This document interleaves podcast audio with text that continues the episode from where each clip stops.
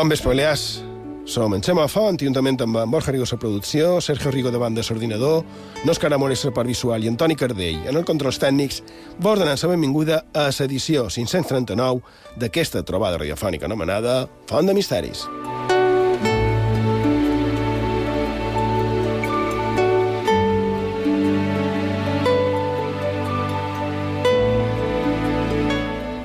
Bon vespre, Borja Rigo. Bon vespre. Sergio Rigo, bon vespre. Bon vespre, Xema. De 7 de febrer de 2024 i bé, jo crec que poden anar directes a sumari perquè la veritat és que d'un tema que només havien de comentar de passada he començat a recuperar informació que tenia i també d'altra que n'ha ampliada i no sé si serà fins i tot massa.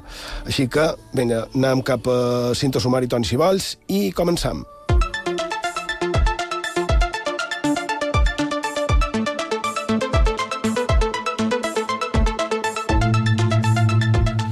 Començarem aquesta edició 539 de Font de Misteris xerrant d'Altai, la Terra d'Or, on coneixerem en primer lloc una mòmia molt, pocul molt peculiar que té moltes curiositats i després farem un recorregut per altres dels misteris i llegendes que envolten aquest indret.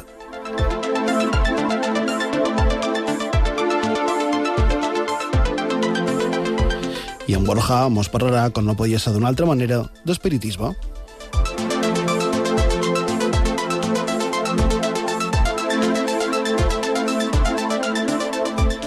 I recordem als oients que des d'aquest moment mos podeu enviar tot allò que vulgueu en els nostres mitjans de contacte. Llegim els vostres missatges en el WhatsApp i Telegram del programa. Apuntau, el número de telèfon és 659 1669 52. Ho repetim, 659 1669 52. Si ho preferiu, ho podeu fer per correu electrònic a fontdemisteris arroba ivetresradio.com fontdemisteris arroba ivetresradio.com També podeu seguir-nos a les xarxes socials. Mos trobareu tant a Facebook com a X, a sentit Twitter, cercant Font de Misteris. També a Instagram, allà mos trobareu cercant Font de Misteris i Vetres. Per escoltar-nos ho podeu fer de diferents formes. En directe, a més de la FM, ho podeu fer a ib3.org i sap d'IV3 en els vostres telèfons mòbils. I si voleu, podeu recuperar tots els nostres programes d'aquesta dotzena temporada i de les anteriors. Ho podeu fer en el servei la carta d'IV3 Ràdio, a ib3radio.com, a les diferents plataformes de podcast i a la nostra plana web, fontdemisteris.com.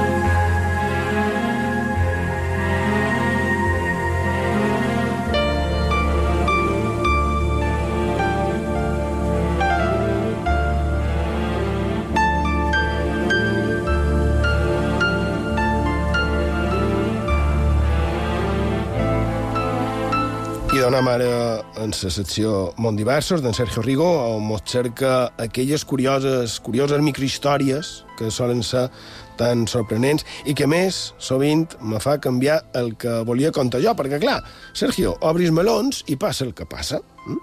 Perquè això fa que, a més, els temes se'n s'acumulin. Eh? Però bé, que tot sigui això. Quan vulgui, Sergio Rigo. I d'avui en aquest món diversos volem fer un viatge màgic que ens durà a conèixer tot el que té a veure en la que se va conèixer com la princesa tatuada, que va venir del gel. Però qui va ser aquesta dona i per què hem de parlar d'una troballa arqueològica única? I dona'm a descobrir-ho.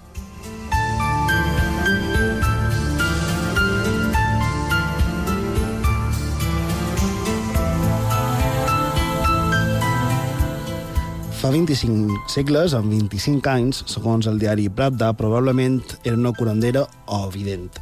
Avui a la petita república d'Altai prefereixen anomenar-la la princesa. Aquesta mòmia, enterrada en el sud de Sibèria en el segle V abans de Crist, per la cultura pàtric, s'ha convertit en símbol d'identitat nacional amb el sobrenom de la Dama de Gel o la princesa Dukok pel fred territori on va ser trobada a la intersecció de Rússia, Mongòlia, la Xina i el Kazakhstan, va ser descoberta el 1993 per científics russos que la van dur al seu país per conservar-la i estudiar-la millor. El debat sobre la seva repatriació va arribar a amenaçar la integritat de la Federació Russa, ja que molts els volien separar-se per aquest incident arqueològic. Els primers sepulcres gelats dels massís d'Altai se van trobar a mitjan segle XIX, però se va haver d'esperar un segle perquè Saralló revelés els seus tresors més deslumbrants. Aquest privilegi va correspondre a Sergei Ivanovich Rudenko, l'antropòleg i arqueòleg que va donar nom a la cultura Patrick, a partir d'una paraula local que significa túmul funerari. El professor de la Universitat de Leningrad des de la victòria de la Revolució Bolshevik en Rudenko va investigar una sèrie de kurhans o túnels allargats típics de les estepes, que no havien estat saquejats pels lladres de tombes. Els va inspeccionar des dels anys 20 del segle passat i en gran èxit de 1945 a 1949.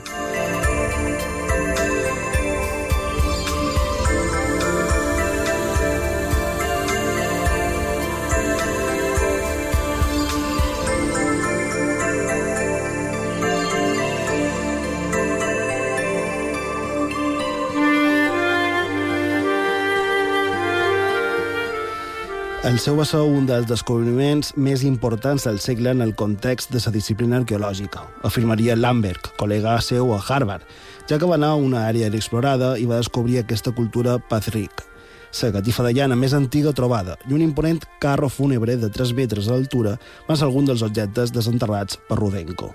Però, a més, va trobar restes orgàniques magníficament conservades gràcies a l'esfred va ser cas de cavalls sencers, concubines sacrificades per acompanyar a un cap, a l'altre costat, o encara més espectacular, el cadàver minuciosament embalsamat i tatuat d'un líder d'uns 50 anys que és el nostre protagonista d'avui.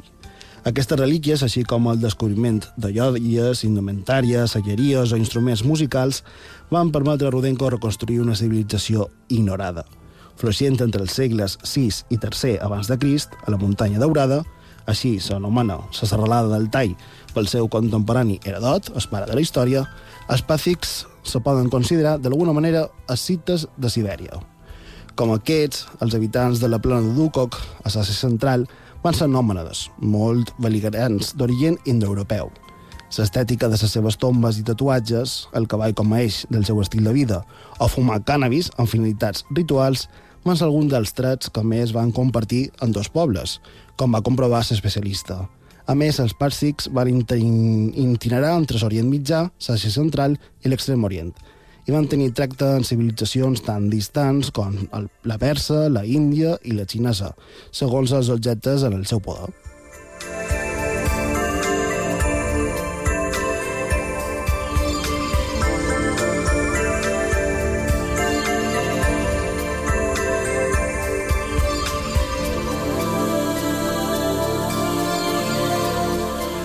Malgrat la seva rellevància, la feina de Rudenko va transcendir poc a l'Occident, ja que se va desenvolupar a l'altre costat del taló de ser, en ple auge estalinista. Aquesta situació va canviar radicalment amb el final de la Guerra Freda, no només per la major transparència informativa. Coincidint en l'esfondrament de la URSS, l'estudi dels pàrsics va rebre un nou impuls, un ressò mundial, gràcies al descobriment més insòlid que s'havia produït d'aquesta cultura. Corria l'estiu del 1993 i la jove doctora Natalia Polomskam, al capdavant d'un equip de l'Institut d'Arqueologia i Etnografia rus, inspeccionava per quarta temporada consecutiva la plana Dukok. El seu objectiu, juntament amb el seu marit, l'acadèmic Molodin, a càrrec d'un altre grup, era tractar un mapa complet dels kurgans aixecats a la regió. Cap a mitjans de la dècada, ja havien localitzat 22 complexos pàrfics, entre ells el jaciment Akalakak 3, Allà, Polonskak i el seu equip van trobar una autèntica raresa. Se van topar, no només amb un enterrament intacte, gràcies al permafrost o al gel permanent que el cobria, sinó amb un jaciment que pertanyia a una dona de 2.500 anys d'antiguitat, que els pàrsics havien inhumat no com a concubina, sinó per mèrits propis. Diuen vellament tatuada, recorda l'informe de la UNESCO, i acompanyada pels cossos de dos guerrers i sis cavalls. Vestia algunes de les peces femenines més antigues que s'han descobert d'una societat nòmada.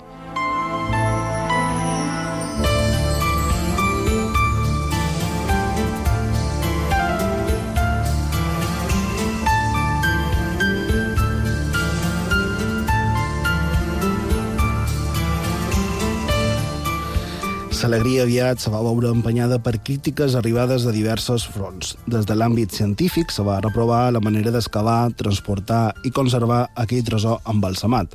tot i que se va executar amb la delicadesa que requeria el cas, la dama de gel i el seu aixovar se van descongelar, per exemple, amb aigua calenta. La pèrdua de la capa protectora del gel va exposar les relíquies en els fongs, els bacteris, la sequedat i la llum. Per desesperació de Polonskamp i el seu equip, la mòmia va començar a deteriorar-se en qüestió de dies. Amb l'afinitat d'aturar el procés i poder aprofundir en l'anàlisis en un laboratori adequat, se va dur a la propera Novosibirsk, noms complicats, eh? Novosibirsk, la tercera ciutat més poblada de Rússia. No obstant això, el trasllat se va allargar una setmana a causa d'imprevistos, el que va tornar a desequilibrar la temperatura dels vestigis trobats. Per acabar d'adobar, el congelador utilitzat a Novosibirsk funcionava malament, la qual cosa va incrementar els fongs i van començar a descolorir-se els tatuatges.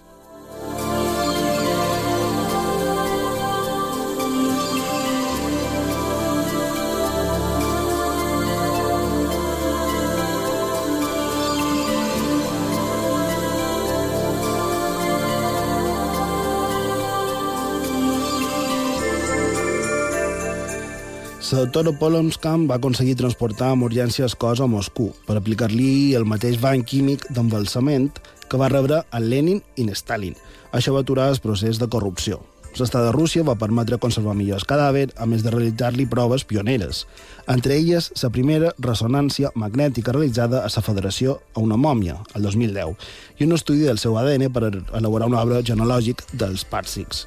No obstant això, el trasllat de la princesa Dukok, que va ocórrer gairebé al mateix temps que la dissolució de la URSS, van ser considerat un espoli del patrimoni cultural a la flamant República d'Altai. Allà, com en altres zones de l'antic gegant asiàtic, va néixer un moviment per repatriar els restes arqueològics presos per la metròpoli. I al capdavant d'aquest moviment va situar-se l'emblemàtica Dama de Gel. El retorn de la mòmia a Altai se va aconseguir després de nombroses ficcions i negociacions després de 19 anys d'absència. Què vos pareix?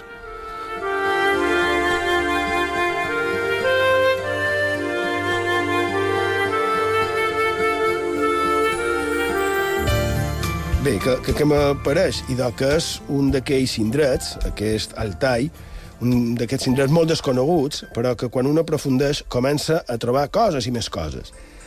En el meu cas, ho tenia apuntat principalment per un parell de fets, i, i és per una banda pel tema de la criptozoologia. Eh? És a dir, aquella mena de pseudociència que cerca aquells animals extingits o mitològics o simplement suposadament impossibles, no? malgrat després la ciència pugui demostrar que tal vegada no estaven tan desencaminats, eh? com per exemple, no ho sé, el cas dels coneguts com a Kraken, els calamars gegants, que, que d'acord, el que s'ha trobat no arriben en el que diu la literatura, però recordem que fins l'any 2012 mai no s'havien registrat un calamar gegant en el seu hàbitat natural.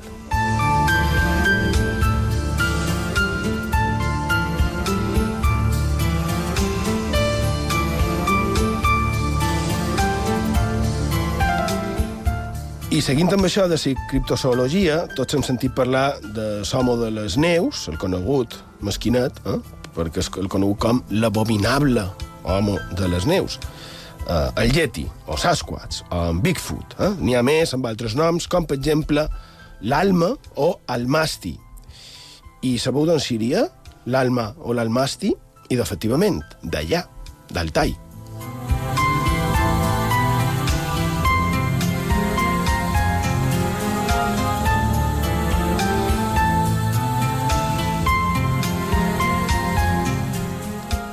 Començar això d'Altai, a part d'una república de la Federació Russa, a més, és el nom d'una serralada d'Àsia Central, conegudes com, en Sergio ho ha com les muntanyes daurades, i que varen ser declarades Patrimoni de l'UNESCO l'any 1998. I aquesta serralada, a, a part de, de la República d'Altai, evidentment, i de pertany, la serralada, la Xina, Mongòlia i en el Kazajistan. I me sonava, jo, per, com he dit, diversos motius, el de l'Almasti, en, en Jiménez de l'Oso deia que també era conegut com Mesidam, eh? i eh, la Xina i Mongòlia com Almàsec. Eh? Allà està més popularitzat del que podem pensar, encara que la majoria no coneixem aquests noms, no? però també està la cosa de que seria un concepte una mica diferent en el que tenim eh, a l'imaginari, podríem dir, d'aquests éssers tipus el Yeti o el Bigfoot o això, no? Clar, allà hem de pensar que estem a unes ben extenses terres que gairebé no tenen població, i de allà mos diu el llibre Criptozoologia d'en Rafael Andrés Alemany que en el territori de la extinta Unió Soviètica abundan asimismo los relatos sobre criaturas a medio camino entre el hombre y el animal. Bé, diu que es coneixen amb els noms o Almasti, i diu, de hecho, el científico ruso Kaklov presentó en 1913 un informe a la Academia Imperial de Ciencias sobre los yetis asiáticos, adjuntando una petición, que le fue denegada, de fondos para expediciones investigadoras. En este informe, Kaklov narraba la captura de una de estas criaturas en las montañas de Ira Karbik por un grupo de pastores.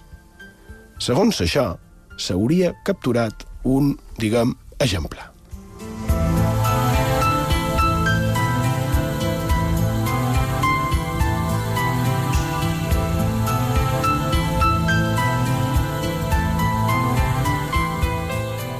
Y en su oferece descripción. El hombre salvaje era varón, de estatura inferior a la corriente, cubierto de pelo como un camello joven. Vaya comparanza también, ¿eh? como un camello joven. Tenía los brazos largos y le descendían mucho más debajo de las rodillas y se encorvaba cayéndosele los hombros adelante. Su pecho era plano y estrecho, la frente oblicua sobre los ojos, con unas cejas salientes y muy arqueadas. Imaginaos, ¿eh? Imaginaos cuando vi esa. La mandíbula inferior era maciza y sin barbilla, la nariz pequeña pero con ventanas anchas. Las orejas eran grandes, sin lóbulos y apuntando hacia atrás. En la nuca se le veía una elevación. Tenía la piel de la frente, rodillas y codos dura y áspera. Cuando lo capturaron estaba de pie, con las piernas abiertas y las rodillas ligeramente dobladas. Al correr separaba mucho los pies columpiando torpemente los brazos. El puente del pie del hombre salvaje, entre comillas, se parecía mucho al de un individuo normal, pero con un tamaño dos veces mayor, al menos, y con los dedos muy separados, siendo el dedo gordo más corto que el de las personas y estando muy separado de los otros. El brazo con largos dedos era igual que un brazo humano y sin embargo diferente. Bé, la veritat és que és una descripció molt acurada i, clar, un se pot demanar bé, i, i, i on és? Eh? Quines proves tenim d'això? I de, respon en el per què no existeix a día de hoy aquest cos. Diu, cuando ante la insistencia de los pastores dejaron en libertad al hombre salvaje, dos de sus guardianes le siguieron y descubrieron el lugar donde desapareció, una cueva bajo una roca colgante sembrada de alta hierba. Los vecinos de la localidad ofrecieron información adicional sobre aquella criatura, que vivían por parejas, que se las veían raramente y que no eran nada peligrosos para los humanos. Un segundo testigo declaró que durante varios meses había observado a uno de estos seres en las inmediaciones del río Manas o Dam. Esta criatura de sexo femenino fue encadenada algunas veces a un molinito, pero también la dejaron marchar libremente. Su descripción general concordaba con la del macho.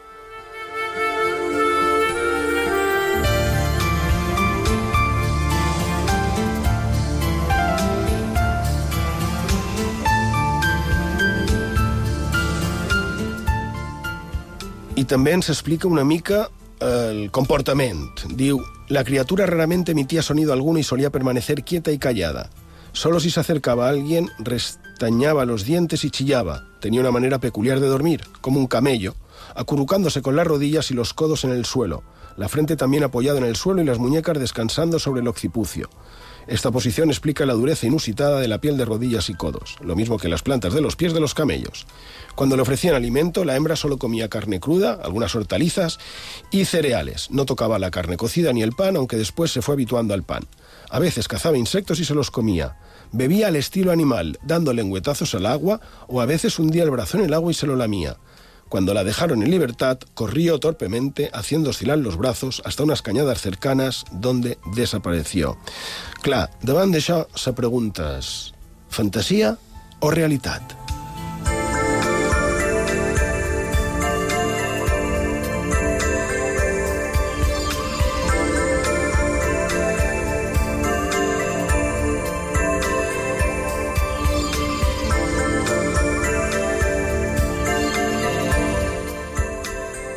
El que sí sembla és que, efectivament, per part de l'antiga URSS, de la Unió de Repúbliques Socialistes Soviètiques, es varen fer intents per tractar de trobar aquest estrany ésser i era per mort de la quantitat de referències no?, que hi havia d'aquest ésser. Algunes referències molt antigues i on la descripció general seria com la d'un home, però com a menys evolucionat, no? I clar, a l'antiga URSS, qualsevol se la jugava inventant segons quines coses, no? Ja dic, fantasia o realitat?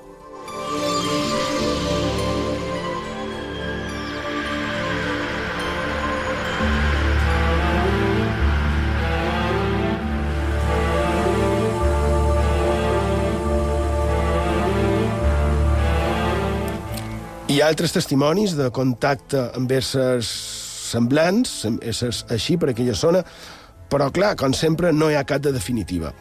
Però el que sí podem assegurar és que aquella és una zona plena de misteris i plena d'enigmes.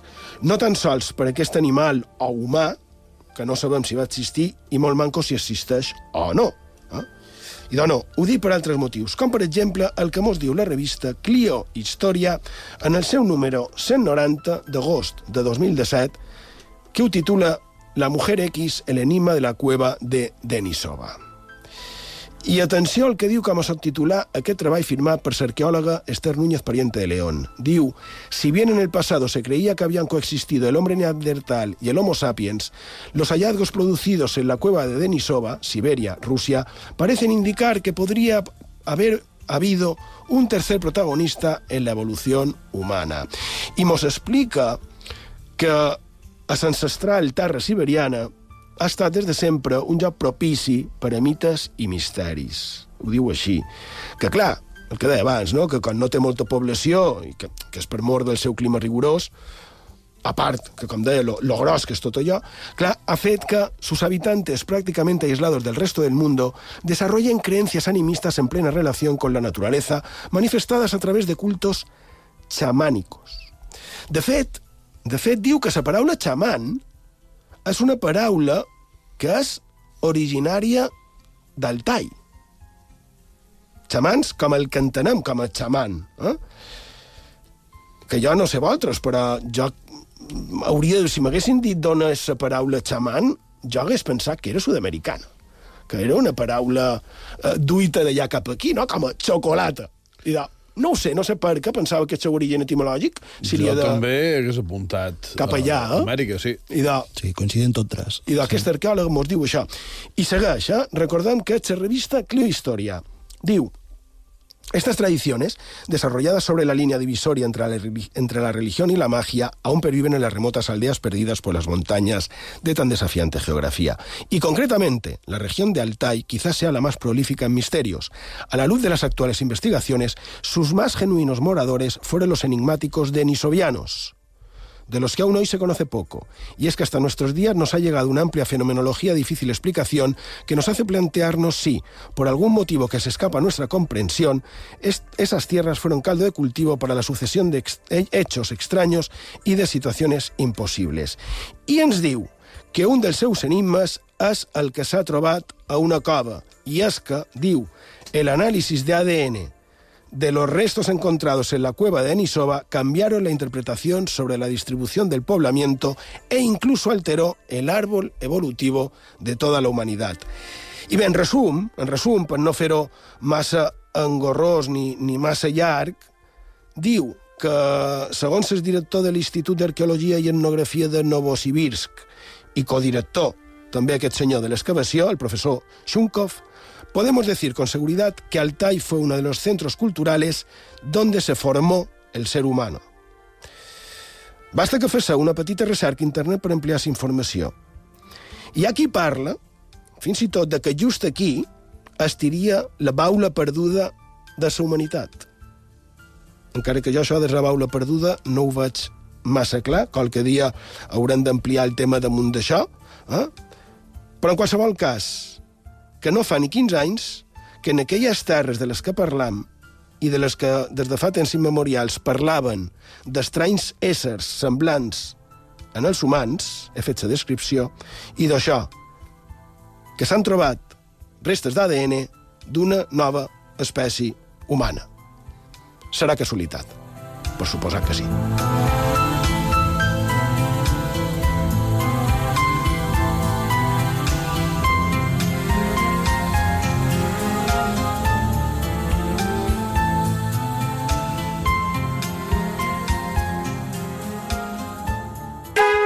IB3 Ràdio és Memòria. Coneix els mitjans de proximitat amb connexió local.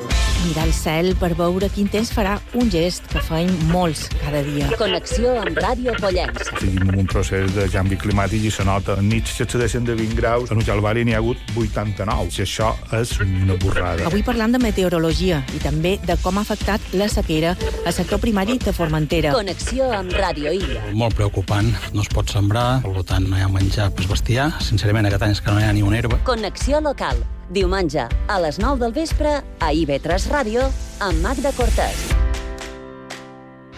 Diumenge, a partir de les 4 del capvespre, viu la Lliga de Futbol de Primera Divisió amb els postres en joc. En directe des de l'estadi de Sant Moix, Reial Mallorca, Reial Societat. Segueix la prèvia de la millor manera amb l'equip d'esports d'IV3 Ràdio. I a partir de les 6 i mitja, la transmissió del partit en la màxima intensitat. Benvinguts a la ràdio, benvinguts a IB3. Benvinguts. Entreteniment, diversió, goig i espectacle a la ràdio pública. Enganxa't amb els portres en joc. En joc.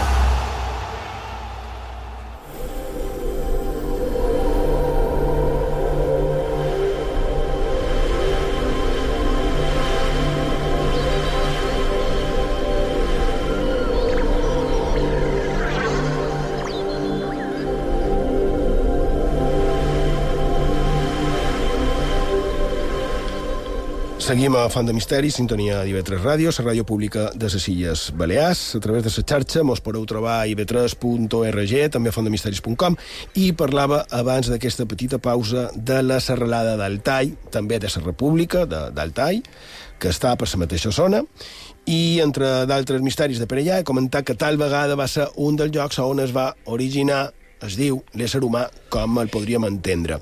I he acabat dient que, clar, que també serà casualitat que sigui just allà mateix on des de temps immemorial es parlava d'estranys éssers tipus yetis i, i semblants, però més humanitzats, diguéssim, no? I per continuar, tal vegada, també podrien dir que deu ser casualitat que des de temps immemorials se li coneix com a, a, a Altai, el seu nom, que ve a significar, com, com hem dit, les muntanyes d'O. I, efectivament, amb el temps s'ha trobat que hi havia grans jaciments de, entre altres metalls, d'O, que per cert va fer que hi anés molta de gent com si fos una mena de El Dorado de Sud-amèrica, que també serà casualitat, clar.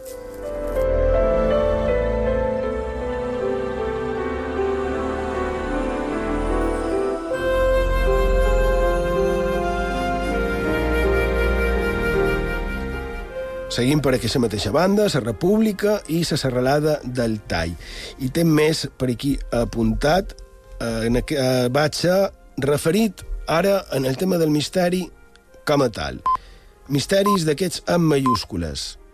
I és que segons a quins cercles es va fer popular fa de més cent anys, eh, on es va fer una expedició perquè hi havia qui pensava que per allà estiria el paradís terrenal, el conegut com a Shambhala, o, o Agartha segons, ni més ni manco això. I Humberto Eco mos parla en el Historia de las Tierras y los Lugares Legendarios y diu las primeras noticias sobre Shambhala llegaron a Occidente a, a, través de los misioneros portugueses, aunque cuando estos oyeron su nombre creían que se trataba de Katai, eso es, China.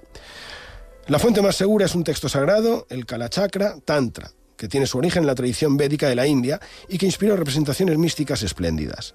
Según la tradición del budismo tibetano indio, Shambhala, a veces Shamblal, Shambhaya, bé, noms semblants, ¿no? es un reino en cuya realidad física solo creen algunos, que la han ido situando alternativa, alternativamente en el Punjab, en Siberia, en el Altai y en otros varios lugares. No obstante, en general se la considera un símbolo de carácter espiritual, una tierra pura, la promesa de una derrota definitiva de las fuerzas del mal. Que en cas de que fos una terra física, es deia que estaria comunicat amb altres parts del món mitjançant túnels. Bé, i també, a part, hi ha qui deia que per allà podia ser que estiguessin part dels descendents de l'Atlàntida. Eh? Bé, dic que aquí hi havia, era un, que jo sàpiga, era un tal Karst, un estudiós alemany, que deia que hi va haver dues Atlàntides, la que estiria enfront dir, podríem dir, per entendre's molt, de les costes gaditanes, al sud d'Espanya, i una altra que estiria a l'oceà Índic, eh, per d'haver al sud de Pèrsia. Què t'apareix?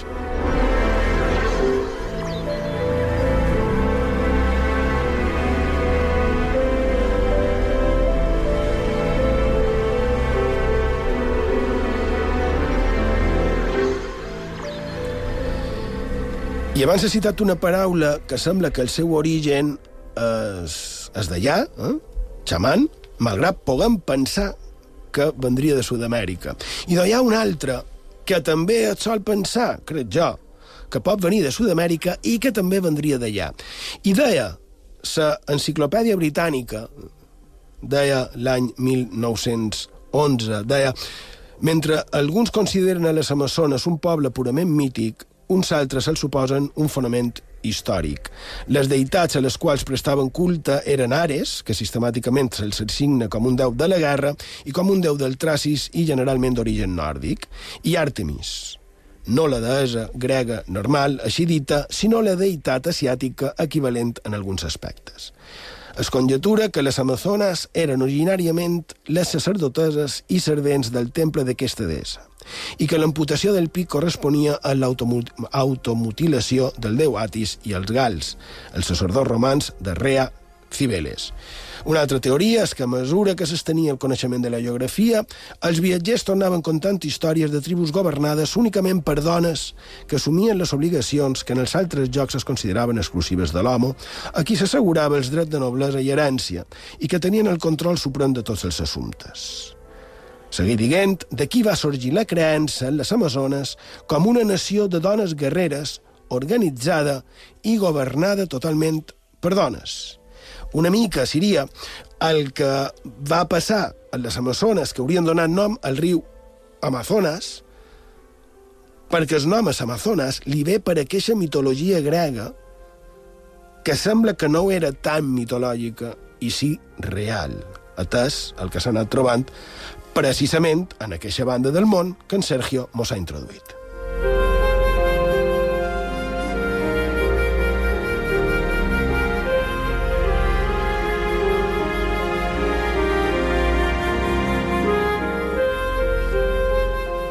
En el bestiario de la mitología griega de Nel de Ríos, editat per Semper Eadem Ediciones l'any 2021, mos diu La arqueóloga rusa Vera Kovalevskaya señala que cuando los hombres escitas estaban fuera luchando o cazando, las mujeres nómadas tendrían que haber podido defenderse a sí mismas, a su ganado y a los pastos. Durante la época en que los escitas avanzaron en Asia y lograron la casi hegemonía en el noreste, hubo un periodo de 28 años en el que los hombres habrían estado fuera en campaña. Durante este tiempo, las mujeres no solo habrían tenido que defenderse, sino reproducirse. Y esto bien podría ser el origen de que las amazonas se emparejaban una vez al año con sus vecinos. Si Heredoto realmente basó esto en un hecho real, antes de que la arqueología moderna descubriese algunos de los enterramientos escitas de doncellas guerreras sepultadas bajo kurganos en el macizo de Altai y Sarmacia, dando por fin forma concreta a los relatos griegos de Amazonas a caballo, el origen de la historia de las Amazonas ha sido objeto de especulación entre investigadores clàssicos. I és que ara tot la majoria, mos pot sonar desconegut, però com tots els imperis al llarg de la història, perquè ja va haver una mena d'imperi que ja no existeix. Bé, en va haver més d'un.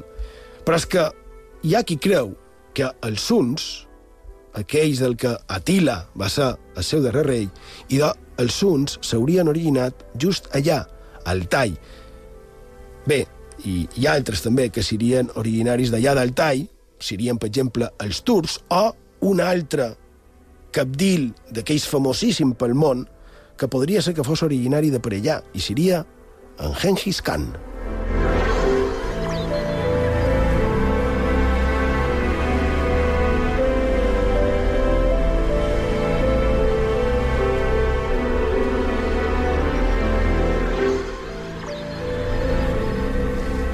tot això venia per aquesta història darrere d'aquesta dama de gel i el que sí me crida molt l'atenció és l'elaborat dels tatuatges. Té tatuatges com els que a dia d'avui hi ha gent que es fa, però és que més els mateixos.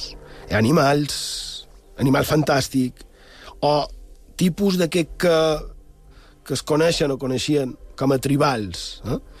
I bé, referit en el que ha dit del cannabis, sembla que era, ho vaig llegir a qualque banda, que era per minvar el mal del càncer que hauria patit i que, i que l'hauria duit a la mort, no?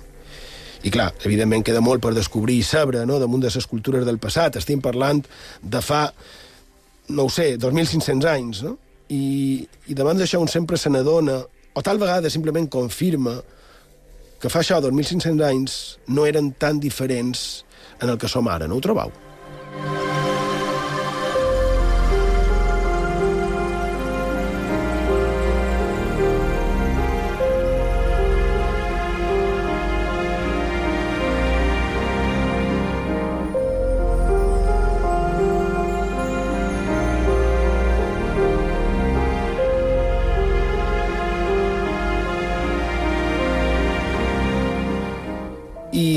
Després també hi ha una data que, que em sorprèn perquè tu has dit, mm, crec que has dit les paraules, troballa arqueològica única, que així es considerava, aquesta troballa que es va fer, has dit l'any 1993. Però és que he trobat un article de premsa de l'any 1955, que és molt de l'època, i diu en un immenso frigidaire natural, que és el que tu has dit, el permafrost, eh? Correcte, es, sí, sí. es, gel permanent, y da, en un inmenso frigidaire natural han aparecido los cuerpos perfectamente conservados de un guerrero y una princesa escita. Descubrimiento efectuado en los montes Altai, Mongolia.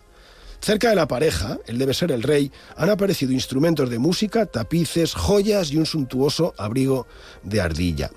I bé, ja després, clar, era l'any 1955, a l'Espanya de l'època, i diu los arqueólogos soviéticos, incapaces en este caso de afirmar que son ellos los que han descubierto a Tutankamón, se contentan con llamar al sepulcro hallado el Tutankamón de Mongolia. ¿eh? Aquí ya diría, cuando digo el personaje de Antonia San Juan a la que se avecina, que ataque más gratuito, no?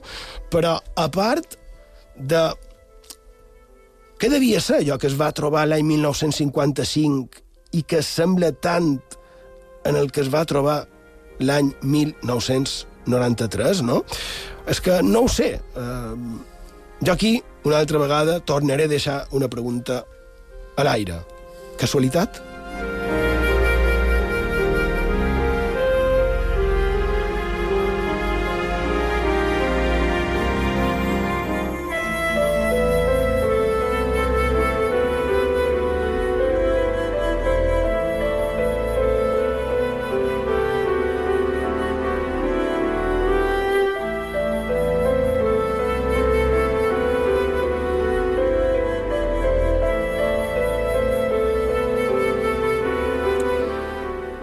Bé, dic que tot això del tall ho tenia apuntat per diverses coses que en el seu dia me varen anar cridant l'atenció. I una altra és aquesta, ja que parlant de misteri, clar, i bé, ho tenc eh, el meu recull en el meu arxiu, Diario de Mallorca, 28 de gener del 2001. El avistamiento de un ovni colapsa un aeropuerto del sur de Siberia. És una notícia d'EFE, eh, posada dita a Moscú, diu el aeropuerto de la ciudad de Barnaul, capital de la región de Altai, en el sur de Siberia, quedó el pasado viernes colapsado por los informes de varias tripulaciones de pilotos que dijeron haber visto un ovni en las cercanías. La tripulación del avión de carga 1176 se negó a despegar después que se indicaran, al igual que otros pilotos, que habían visto un objeto volador no identificado flotando sobre el aeropuerto de Barnaul. I acaba dient que el director de la companyia va dir que la tripulació no volia volar perquè la persistente presencia del extraño objeto suponía un peligro real para la seguridad de los vuelos. I tot això, l'any 2001, allà mateix, a Altai.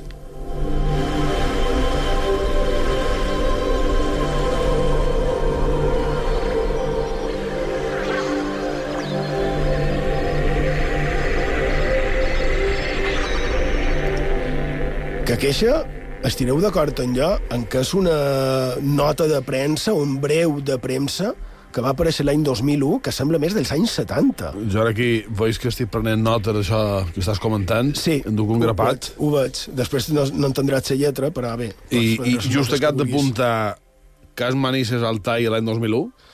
Clar, és que... O sigui, acabes de parlar d'un avió Sembla una cosa o sigui, d'avions que no volien volar per por en aquell objecte que, que hi havia al cel. Correcte, l'any 2001, que crec que crida l'atenció. Bé, ja per acabar, perquè si no, no podràs comentar tot això que vols comentar. I bé, jo m'agrada, el que mos escoltau freqüentment ja ho sabeu, però m'agrada, quan és possible, relacionar tot amb les nostres illes. A veure si en aquest cas també, i a més, si ho puc explicar, que se m'entengui. Resulta que, segons en Peter Colosino, en el seu llibre Tierra sin tiempo, editat per Plaza i Janés el 1969, tenint que diu a la pàgina 85, lo cierto es que los primeros hombres llegaron a Cerdeña, de Oriente, en el quinto milenio antes de Jesucristo, para quedarse casi siempre en las cercanías del mar, en grutas o improvisados refugios de paja, y proseguir luego hacia el continente. Otro flujo migratorio proveniente también de Asia arribó a la isla dos milenios más tarde, dejando esa vez huellas grandiosas, para am- amalgamarse finalmente con los Shardena, igualmente asiáticos, desembarcados hacia 1400 antes de Jesucristo. Es a los de la segunda oleada, entre cometas, que se deben los, las nuragas, imponentes construcciones de piedra en forma de cono truncado que inicialmente debieron ser más de 8.000, quedan hoy las ruinas de 6.000, 6.500 torres de aquellas, algunas bajas, otras hasta de 20 metros, con muros de 2 a 5 metros. Mucho se ha discutido acerca de la función de las nuragas, pero la ciencia cree poder decir hoy una palabra definitiva al respecto. Servían de defensa a un pueblo atacado de continuo. Las nuragas, o els nurags, aquests, són unes construccions megalítiques en forma com a de torre, de les que realment no se sap ben bé ni qui, ni quan, ni per què les feien. I clar, això ens fa recordar les nostres construccions megalítiques. De fet, té moltes semblances. Eh?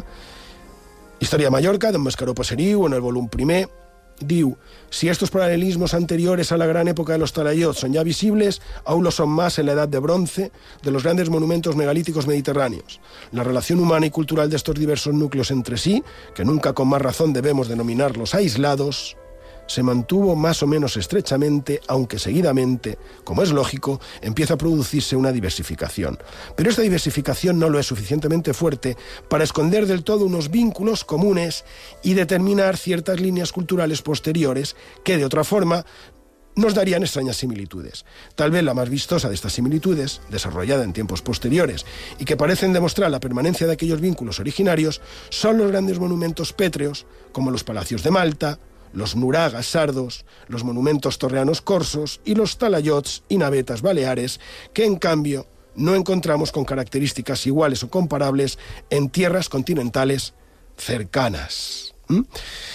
Y després ja una mica més en van diu, eso sí, las divergencias crean fenómenos locales, típicos de cada núcleo y hasta de cada isla.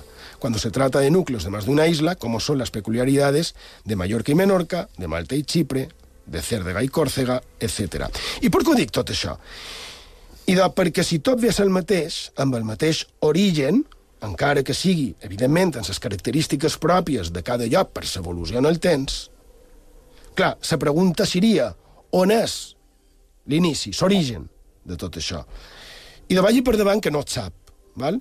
però en el llibre que he citat abans, més en van mos diu La civilización nuraga no conocía la escritura y su origen ha podido ser establecido tan solo con el estudio de nombres que deben haber permanecido invariables o casi a través de milenios. Y esos vocablos provienen de Altai.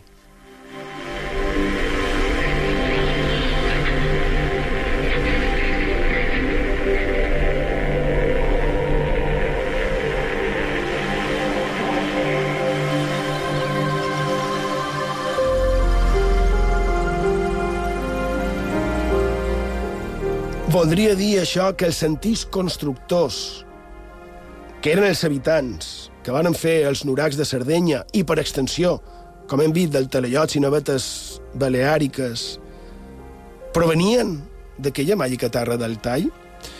Jo supos que ja mai ho sabrem. De totes maneres, en el volum quart de la mateixa història de Mallorca, de Mascaró Passerius, es pot donar, yo creo, una altra pista. Diu, tales particularidades proceden mucho más de las características que imprime el medio, momento, lugar, grado de civilización, materiales empleados y objeto que se dedican que del origen. Talayots, murallas en Baleares, nuragas, cercados en Cerdeña, torres en Córcega y toda suerte de análogos monumentos en Sicilia y litorales mediterráneos, no son más que distintas versiones de un mismo texto, venido de Oriente en las naves cretenses o aqueas primero, y en múltiples ediciones de intercambio entre los distintos pueblos que lo adoptaron después.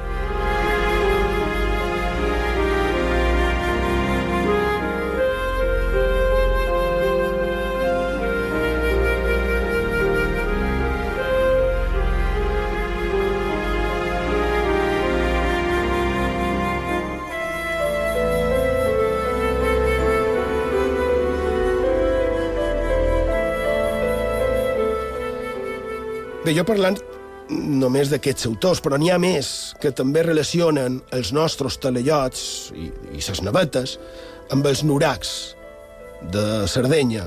No ho sé, en Carlos Garrido, per exemple, o na Margaret Murray, per exemple, també, o fins i tot en el Cové, sí, en el Cové, el de les rondalles, també ho parla.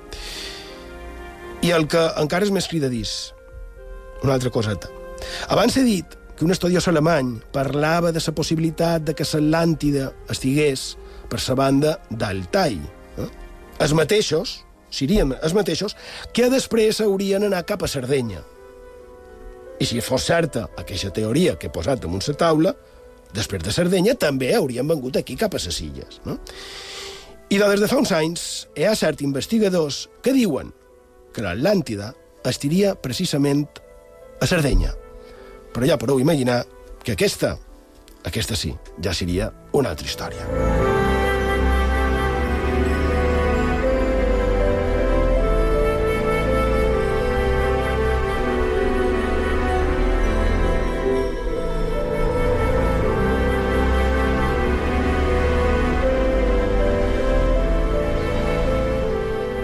Bé, jo volia parlar de Sí, de l'època d'en Kardec. Sí, això és el que estava apuntat. Però crec que se pot guardar per una altra setmana perquè, clar, aquí ho he posat damunt la taula un grapat de històries fascinants sobre una terra bastant desconeguda com és la regió d'Altai i he anat prenent notes i menys si... Més si entens la lletra per començar. Això sí, que, crec que aquesta vegada sí, però almenys si posar un pot de fil a la següida. Per començar, m'ha quedat molt poderosament l'atenció la fixació que tenien en els camells. Sí, eh? No sé per Tot què... era, era, perquè, que ja sàpiga, no ets l'animal més comú d'aquella terra, tampoc. No, però jo crec que és perquè varen veure que quan dormien ho feien una miqueta com se tomba, com se acoten els, els camells, però plena de, o sigui, plens de pèl, com els camells. Sí, jo també això m'ha cridat Ja, l'atenció. realment, les notes que he apuntat són més preguntes que probablement no tinguin resposta que respostes en si, però anem, anem fent. Bé, jo he estat tota la setmana eh, fic, ficant-me en coses que ja jo tenia apuntades del tall per, per, per que he dit, i d'altres, eh, evidentment, que ja les he trobades, no? Has parlat de, de creences, de credos animistes. Sí. I si, en bona mesura, aquests credos fossin la conseqüència d'una relació directa amb lo impossible? No, jo aquestes preguntes no te les contestaré. I en Sergio Rigo se posa les mans a la No, cara dient, escoltant atentament. què dius? I, i en Toni s'està esbutjant de riure. Jo què sé? Jo què sé si ho, ho, són o ho, no ho deix, són. ho deix a l'aire, com a possibilitat. Jo només he fet exposició de dades, eh? No, no, no me que fiquis en També hem problemes. parlat de, de Denisova, important. Sí? Això ha quedat també a l'aire, a, a l'èter, i quantes humanitats han anat apareguent en aquestes darreres dècades? Noves humanitats, que han quedat també un poc així a l'aire. Aquí també, amb això sí, estic totalment d'acord amb tu, perquè eh, és un d'aquests temes que fa que s'hagi de reescriure la història. I també això de, de, de sa, aquesta part, no, no, és que hi ha una espècie que s'ha perduda, però no la trobam, etc. Aquesta part encara mai l'han tractat de font de misteris i crec que és un tema que s'hauria de tractar. La veritat és que sí. Més qüestions. I si aquests éssers humanoides dels que hem parlat, que això és que de braços llargs i, i de més. Bé, aquests i altres, i, i en Bigfoot, i en Yeti, Noran Pendek, i tota aquesta colla, i si fossin realment aquest nexe perdut entre les humanitats? Clar, perquè precisament la descripció que fa aquells textos antics i, i que se cercaven el seu dia, aquest de, de mm, pèl de camell, etc, és més un humà que no un monstre. Que aquí està el tema. Clar. Perquè normalment el Yeti se li trata com l'abominable, Clar, home de les neus. La descripció no és tan abominable, en realitat. Parla de- d'un ésser gros i pelut, i poc De, més. del Yeti, però. Clar. Però no d'aquests No, aquests no, clar, senyors. D'aquests senyors parlen de que són més o manco una miqueta més petits que els éssers humans i que són molt semblants en els éssers humans. I per això, quan, quan estava donant la descripció, deia, fixeu-vos amb el que diu. I, clar, l'aparença del que diu, allò me, va recordar una mena com, com un neandertal. Jo pensava... I després resulta que just allà se troba la possible uh, espècie humana... Des... No, no, no eren ben iguals, però jo, jo me recordava aquests éssers de, d'Altai a la contrapartida benèvola dels simiots del Pirineu. Una, un, mica. un altre tema que tampoc hem parlat mai, els simiots Aquest, de... de... deixant de banda, però... però Sí, bueno, però hauries de dir molt ràpid que són els simiots de, de, de, de, uns, dels Pirineus. Uns éssers també d'aquesta casta mítics que eh, també estan documentats, fins i tot varen tenir topades al l'Iglesi, imagineu, però que sí que se diu d'ells, habitaven, sí, la zona del, Pirineu, però se diu d'ells que en aquell cas sí que eren dolents, que feien malifetes en els vilatans, que robaven animals, en canvi aquest de- d'Altai no. D'ells diuen que tot el contrari, que, Són- es, que es queixaven, pacífics, però sí. que no, no ficaven en violència en els altres, no? O sigui que tal vegada podria eh, tractar-se d'aquesta espècie i no ho sabem, evidentment. Això ja ho diran els científics. També, si és que que ràpidament, molt interessant, la possibilitat de les dues Atlàntides. Ah, bé, sí, això sí. Això, Això també sí. dona per fer un grapat de font de misteris Sí, amb això. i, i sa de, que Sardenya fos també una, Clar. una Atlàntida, que seria eh, part de memòria també que era perquè suposadament en Plató hauria dit que era una terra de torres. I clar, precisament Sardenya est estava rodejada d'aquestes torres que, que, són- que eren eh, els nuracs o les nuragues, que n'hi havia més de 8.000, eh, no fa tant. I m'he apuntat també lo de la campanya bèl·lica de 28 anys del poble Cita, dels homes cites, que jo crec, així vostè tinguem de, de memòria, però probablement sigui la campanya bèl·lica més extensa de, de la història. Seguida. si hagués estat així, eh, però aquesta és una dada que veritablement no he, no he comprovat.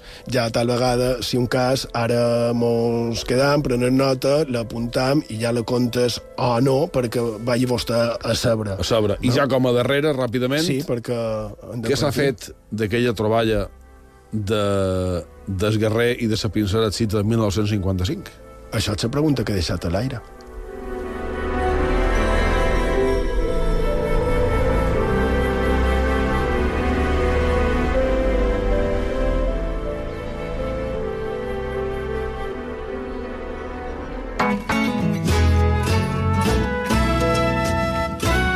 IB3 Ràdio és coneixement.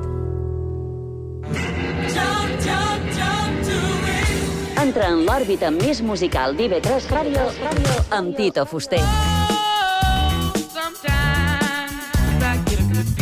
Òrbita 3, els caps de setmana i dies festius a IB3 Ràdio. Dissabte i diumenge, la informació continua actualitzada i ampliada. Els informatius cap de setmana de la ràdio pública i els butlletins horaris. IB3 Ràdio. Serveis informatius.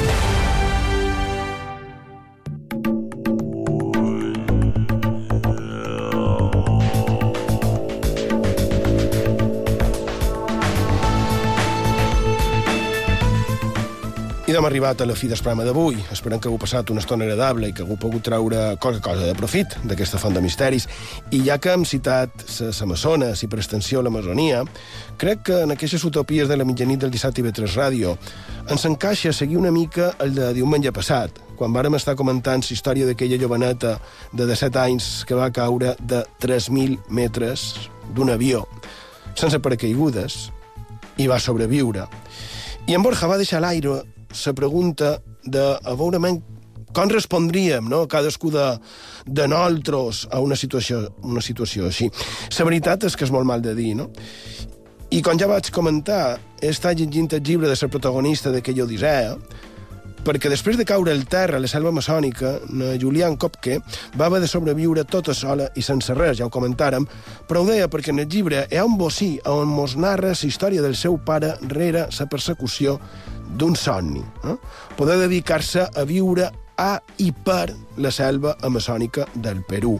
I mos conta totes les tribulacions, les casualitats, les penúries, però com el final ho va aconseguir. I poc més endavant, en el llibre seu, titulat Cuando caí del cielo, va dir sovint, diu una, una Julián Kopke, eh? sovint, quan estic en perill de perdre una mica el valor, la valentia, pens en aquella llarga i esforçada odissea del meu pare, o quan volen apoderar-se de mi els vells temors de l'època de la meva caiguda de l'avió. En aquests casos, la seva història me serveix d'exemple del que val la pena no deixar-se vèncer ni per guàrdies, ni militars, ni per vaixells que hi han salpat, ni per muntanyes que calia creuar, ni per milers de quilòmetres que caminar. Quan de veritat ens hem decidit aconseguir alguna cosa, em va dir el meu pare en una ocasió, ho aconseguim. Només hem de voler-ho, Julián. I tenia raó. Aquella vegada, després de la caiguda, jo volia sobreviure i vaig aconseguir una cosa gairebé impossible. Després d'això, pot un topar-se amb una cosa encara pitjor? Com no? Tot desafiament es presenta cada vegada com una cosa completament nova. Igual que qualsevol altra persona, sempre em costa un gran esforç portar a la pràctica el que vull. Avui desig en totes les meves forces no sols que Panguana continuï existint, sinó que adopti una nova forma. Vull que es compleixi el desig del meu pare i que, a més, aquesta petita franja de terra sigui declarada àrea de conservació privada. Per això estic ara asseguda en aquest avió i en sobreposo a les meves pors. I a la fi, després de moltes hores, tinc sota meu la terra de la meva infància. Començam a sobrevolar la frontera entre el Brasil i el Perú. El meu cor comença a batejar amb més força. Falta d'haver una hora per arribar. La selva verge ja cedeix pas als primers cims de la serralada dels Andes. Un pic que l'haguem deixat enrere, l'avió començarà el vol d'aproximació a l'aeroport de Lima per a l'aterratge. Llavors, també aquest vol, gràcies a Déu, acabarà bé. Bé, jo crec que res més que afegir, no? Ella ho ha dit tot. I ja que estem pel Perú, si hi ha una cançó del Perú que evoqui aquella terra de la que estem parlant, clar que sí, aquesta cançó és El Còndor passa, en aquest cas, la versió de Naceria Cruz. Allí, Pau, bona nit, gràcies per la vostra companyia i fins demà. El cóndor de los Andes despertó